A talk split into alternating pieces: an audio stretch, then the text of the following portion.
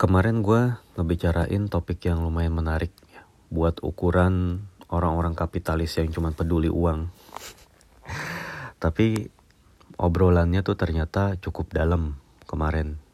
Jadi ini tentang humanity. Apakah peradaban manusia itu masih bisa bertahan dalam waktu 100 tahun ke depan atau nggak usah 100 tahun, 50 tahun ke depan aja.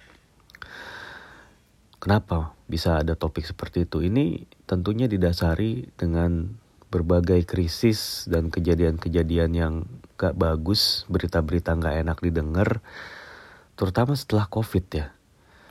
Dari sisi kesehatan, ya lu lihat orang tuh masih banyak yang kena dampak long COVID ya. Robbie Williams ya, itu penyanyi Inggris kemarin diberitain pada saat dia melakukan konser tiba-tiba dia kayak ngerasa lemes dan agak nyesek. Ini indikasinya karena long covid yang dia derita.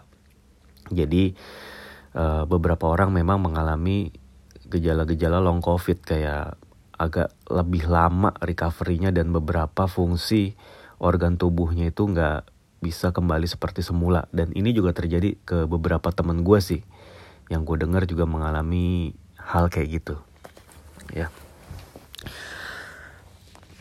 terus dari sisi kesehatan juga um, kita sering dengar berita banyak sekali wabah wabah-wabah gitu. Wabah-wabah baru. Ya kemarin covid itu kayak cuman pemanasan doang gitu ya.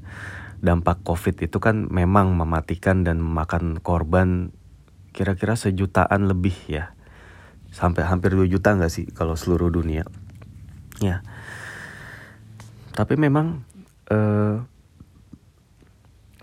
dari ratusan juta orang ya mungkin semiliaran orang yang kena covid gitu yang meninggal sejutaan atau dua jutaan rasio eh, tingkat kematian akibat covid itu ya paling satu persen juga nggak ada gitu ya gua rasa gitu ini bukan berarti kita mengenyampingkan nyawa hanya demi ngomongin data. Tapi kalau misalnya bayangkan kalau seandainya dunia itu terkena outbreak virus yang tingkat mematikannya itu jauh lebih tinggi daripada COVID.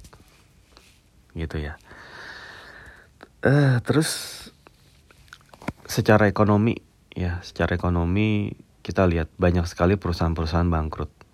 Terutama yang modelan startup startup ini ya emang baru booming dalam lima ya kalau di Indonesia ya tiga tahunan lah. Lima tiga sampai lima tahun ke belakang.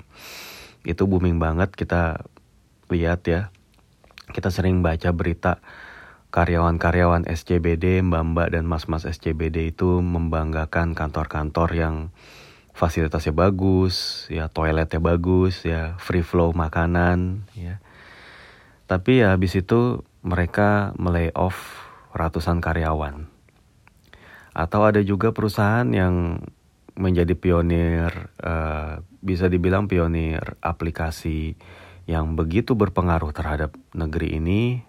Lalu kemudian perusahaan tersebut listed di bursa efek, tapi sahamnya itu kena ARB terus yang akhirnya harganya uh, jadi rendah dan akhirnya investor-investornya mengalami kerugian. Ya walaupun konon katanya dalam perkembangan beberapa hari kemarin ya katanya bakal ada investor lagi yang masuk gitu lah. Nah nggak tahu lah anyway ya. Dan secara umum harga IHSG, nilai IHSG atau indeks harga saham gabungan itu juga ya pasca COVID dan juga dalam fase recovery sekarang itu tidak mengalami kenaikan yang signifikan. Jadi gue jadi rada-rada skeptis dalam invest ke saham ya kecuali kalau emang lu pinter dan bisa milih dan bisa tahu gitu ya eh, saham-saham mana yang berpotensi. Tapi rasanya gue gua agak skeptis apakah invest saham itu bisa kayak dulu untungnya ya apa keuntungannya profit yang lu dapat gitu karena dulu kan banyak cerita ya orang yang dulu waktu awal-awal beli saham Bank Mandiri waktu harganya masih berapa berapa ribu atau berapa ratus ya sekarang dia jadi miliarder gitu. Setelah dia jual sahamnya dalam dalam waktu 20 tahun gitu kan. Ya. Tapi apakah cerita-cerita itu bakal terulang gitu? Lo naruh duit di saham apa sekarang gitu? Dengan harapan lo invest jangka panjang buat sekolah anak lo dan segala macam buat hari tua lo. Apakah bisa ngedapetin profit yang seperti yang cerita banyak orang di tahun 2000-an awal?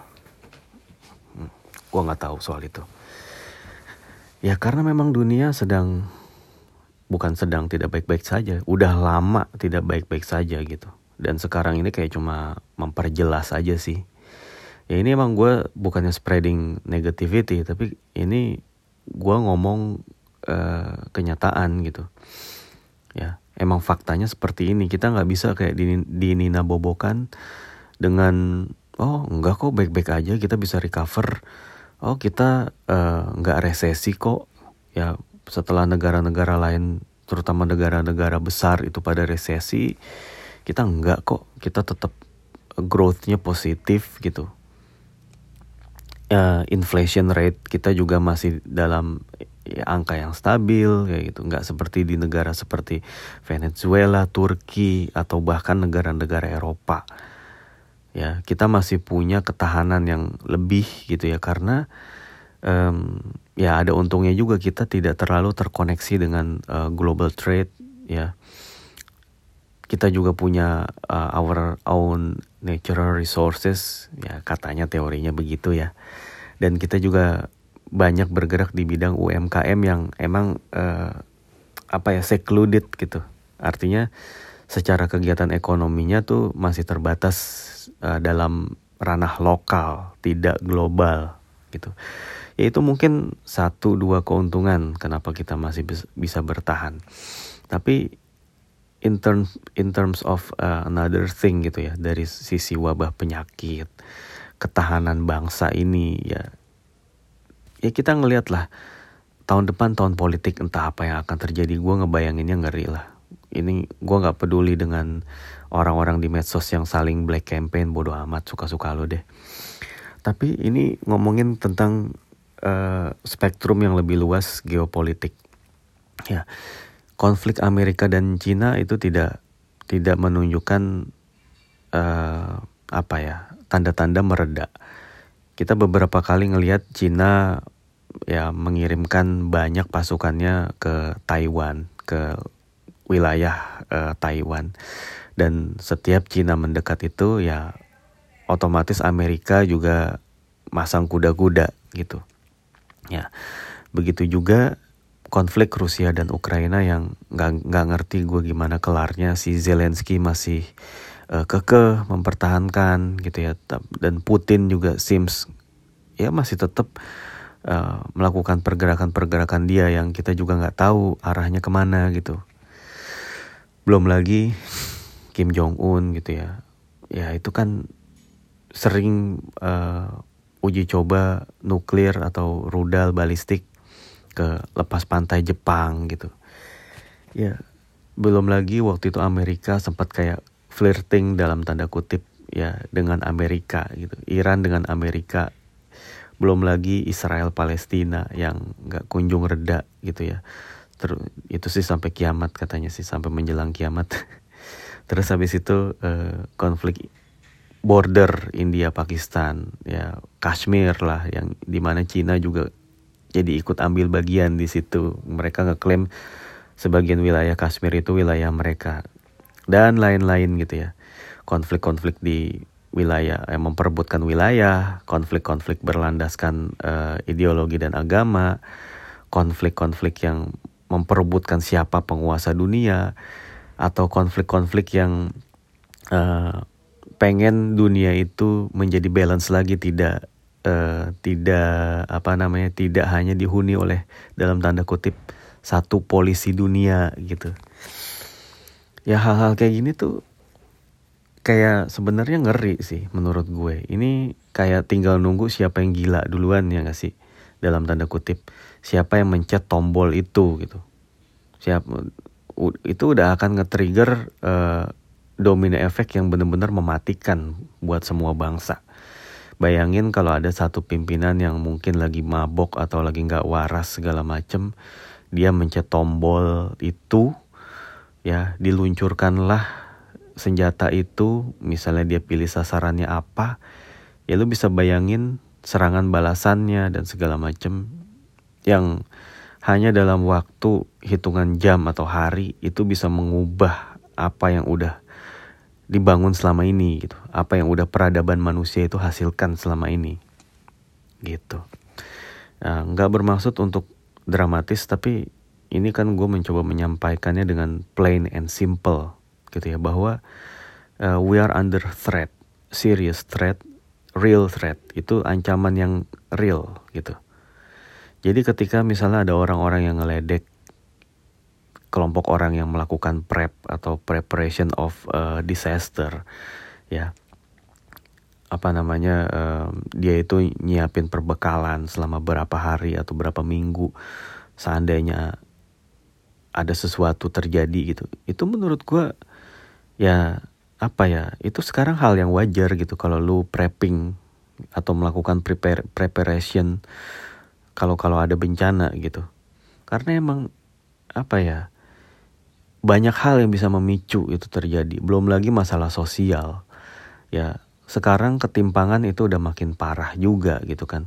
Oke Indonesia kalau kita ngomong lagi ke Indonesia Indonesia mungkin eh, nggak uh, kena ya mungkin nggak kena dampak langsung uh, economic recession gitu ya atau economic slowdown. Tapi nyatanya ya kita ngelihat yang namanya ketimpangan itu ada aja dan makin gede gitu. Orang makin sulit mencari pekerjaan. Unemployment rate-nya Indonesia itu memang masih di bawah dari negara bahkan di bawah Amerika ya. dan juga di bawah negara-negara Afrika gitu atau Meksiko. Tapi ya gue ngelihat orang-orang sekeliling gue aja gitu yang nyari kerja aja tuh susah. Ya banyak banget ya tiap kita tiap berapa bulan sekali gitu ya ngelepas anak-anak peserta didik ya untuk menjadi wisuda apa menjadi wisudawan. Ya zaman sekarang dari TK aja juga udah wisuda sih itu semua bisnis gitu ya. Ya aneh aja TK wisuda SD wisuda SMP SMA wisuda ya elah dulu kan wisuda tuh cuman kuliah doang dan itu rasanya spesial ya. Tapi sekarang tiap tiga tahun sekali ada wisuda oke. Okay. ya. Dasar semuanya aja diduitin dan dimedsosin gitu dan dikontenin. Uh, wisudawan wisudawan itu tentu saja akan menjadi pengangguran sebagian besar. Sulit untuk mencari pekerjaan kalau lu uh, pertama ya maaf maaf aja nih kayak lu datang dari kampus yang kurang ternama. Terus uh, eh, IPK lu juga standar lu nggak punya skill lu nggak bisa bahasa Inggris dan lu nggak punya orang dalam. Itu udah susah mencari kerjaan. Realistis aja dan saingan lu tuh semakin banyak. Saingan lu tuh bukan cuman orang-orang Indonesia aja tapi juga orang luar. Dan saingan lu sesama orang Indonesia pun itu udah banyak banget anak-anak yang punya privilege, anak-anak tajir yang punya link di mana-mana. Ya, gue punya adik, ya, adik gue itu pernah tes di sebuah bank.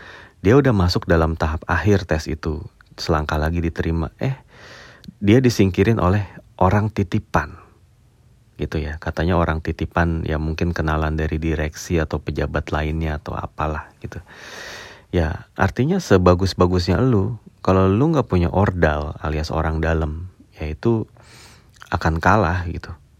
Ya, dan ini emang realita yang terjadi.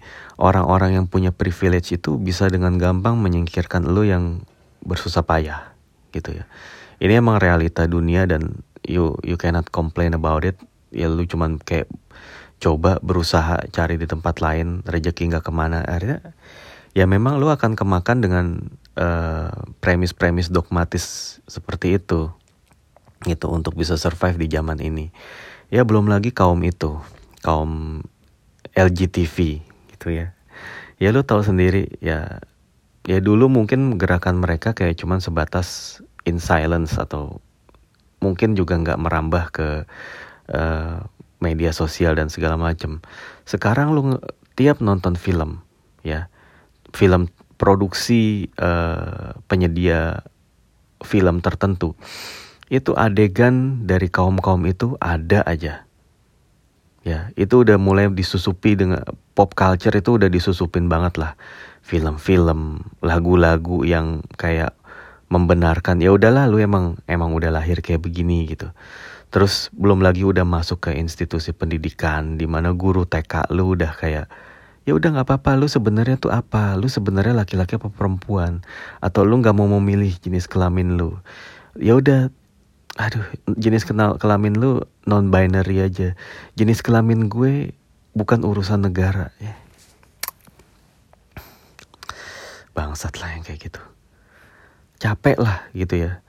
Maksudnya ya udah lu kalau emang pengen apa namanya pengen kaum lu itu eksis ya udah eksis aja di pulau lu sendiri gitu. Lu bikin pulau lu pindah deh semua gitu. Lu pindah semua ke pulau itu kelar udah jangan mempengaruhi yang lain gitu loh. Jangan memasukkan dan menyusup nyusupi agenda agenda lu ke kita kita yang tidak seperti itu gitu. I have no problem individually atau apa gitu tapi kalau lu udah sampai masuk ke ranah pendidikan, aduh, masuk ke ranah hiburan sih udah pasti ya itu kayak pintu gerbang pertama. Tapi kalau lu udah menyusup ke sekolahan, itu menurut gue that's too much man. Gitu, lu lu harus stop gitu. Lu nggak bisa kayak begini. Gitu. Ya, terus belum lagi masalah kepadatan penduduk. Ya, Jakarta itu udah apa 24 juta kabarnya 24 juta termasuk orang-orang Bekasi, Tangerang, Depok, Bogor yang memadati Jakarta tiap pagi dan memadati stasiun Manggarai kayak kayak ikan sarden gitu.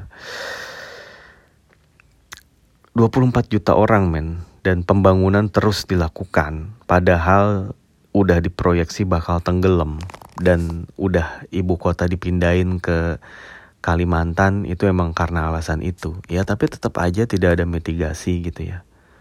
Tidak ada mitigasi ya ya emang nantinya bakal tenggelam terutama yang di wilayah utara ya mereka akan sinking duluan gitu.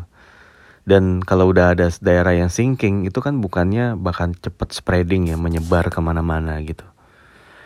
Ya dan bukan cuma Jakarta ini juga dialami kota-kota pinggir pantai ya yang mana ya dengan apa namanya banyak semakin banyak mencairnya es di kutub selatan ya itu bakal menaikkan permukaan air permukaan air laut gitu ya berapa senti setiap tahunnya.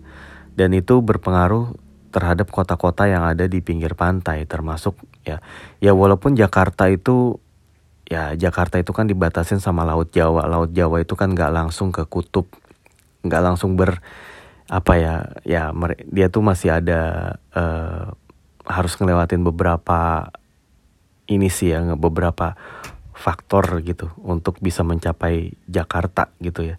Tapi tetap yang namanya penelitian Jakarta itu under threat of uh, sinking itu tetap ada gitu exist. That that threat is exist. Pejabat-pejabat pemerintah tuh tahu soal ini gitu Ya, makanya mereka pindah dan belum lagi ancaman seperti nauzubillah min zalik, gempa bumi, gempa mega thrust dan lain-lain. Itu. Ya. Ya, lu pasti masih ingat lah teori Sir uh, Thomas Robert Malthus yang bilang bahwa perkembangan jumlah manusia yang lahir gitu ya, kepadatan penduduk itu tidak bisa mengejar kebutuhan pangan. Yaitu kan teori ketahanan pangannya yang itu masih masih relevan sampai sekarang. Dan kalau ketahanan pangan itu udah mengalami ancaman gitu, bencana famine itu udah di depan mata, in the brink of uh, ya pokoknya di depan mata kita lah gitu. Lu mau apa lagi gitu? Ya mulai kalau udah ada seperti itu mulailah akan muncul namanya kerusuhan sosial. Mulailah penjarahan dan segala kejahatan itu akan keluar gitu. Dan ya semua ini apa sih muaranya nanti? Ya dajal gitu setelah kekacauan yang ada di bumi gitu ya. Karena emang the world udah cannot contain itself gitu ya. Penduduk udah terlalu banyak emisi gas udah semakin banyak gitu ya. Uh, apa namanya ya setiap penerbangan dalam satu flight itu berapa apa ya emisi karbon yang dikeluarin oleh satu pesawat aja itu udah setara dengan ribuan mobil gitu ya. Dan kita bicara mobil uh, katanya solusinya pakai mobil listrik ya. Limbah-limbah baterai dan nikel yang dibuat untuk menghasilkan baterainya mobil itu emang bakal makan emang gak bakal makan space gitu ya emang lu bakal bersyukur kalau lu hidup di tahun 70-an sih. Itu adalah tahun-tahun di mana terjadinya ekonomi bonanza. Dan orang itu nggak mikir gitu. Ah kita gunakan kita gunakan BBM. Kita kita gunakan petrol, bahan bakar minyak gitu. Tapi ya sekarang ya udah bahan bakar minyak itu menghasilkan polusi Lalu kemudian bahan, bahan bakar minyak itu akan habis. Tahun 2040-2050-an itu akan habis. Ya, dan kemudian negara-negara penghasil BBM itu udah mereka udah bertransformasi gitu. Arab Saudi, Dubai, Uni Emirat Arab dan lain-lain itu udah jadi kota city of lights gitu. Ya, Arab sekarang itu udah jadi kayak uh, kota-kota Monte Carlo ataupun apalah di Eropa gitu. Itu wajah dari umat Islam, wajah dari peradaban Islam ada di situ dan sekarang udah berubah. Ini udah kurang tanda apa-apa, udah kurang tanda-tanda apa lagi kawan gitu loh. Ya ini udah semakin jelas menurut gue. Ya. Kan katanya banyak perempuan yang jadi penyanyi, itu mah dari dulu ya perempuan penyanyi udah banyak. Gitu. Terus katanya kan uh, apalagi banyak rumah-rumah yang tumbuh di di pegunungan. Ya itu udah banyak zaman sekarang. Ya banyak dan banyak tanda-tanda lainnya yang yang lu tinggal dengerin aja di ceramah gitu. Atau baca-baca aja hadis-hadis dan itu udah kejadian. Dan itu kayak tinggal nunggu gong gitu. Kayak kita cuman kayak menunggu menyaksikan which signs that will actually appear first in front of our eyes gitu. Ya maksudnya gitu aja sih. Gue cuman mengingatkan bukan bukan dunia tidak sedang baik-baik saja bahwa ya memang hidup ini itu kayak fragile banget apalagi zaman sekarang. Gitu. Ya apa yang lu punya itu kayak aduh kayak fana aja gitu kayak bakal setiap saat bisa diambil gitu. Kekuatan yang lu punya sekarang kekuasaan kekayaan dan semua yang lu punya kayak bisa cepet hilang hanya in the blink of an eye gitu hanya dalam satu kedipan. Ya itulah makanya lu harus ya katakanlah bersiap-siap atau atau lu memilih pasrah lu memilih ya pretend as if there's nothing happen kayak lu kayak berpura-pura oh nggak kok dunia akan baik-baik saja dalam 100 tahun ke depan 1000 tahun ke depan. Masih lama kiamat itu. Ya that's your choice. Hmm, gitu aja sih. Dah ya, bye.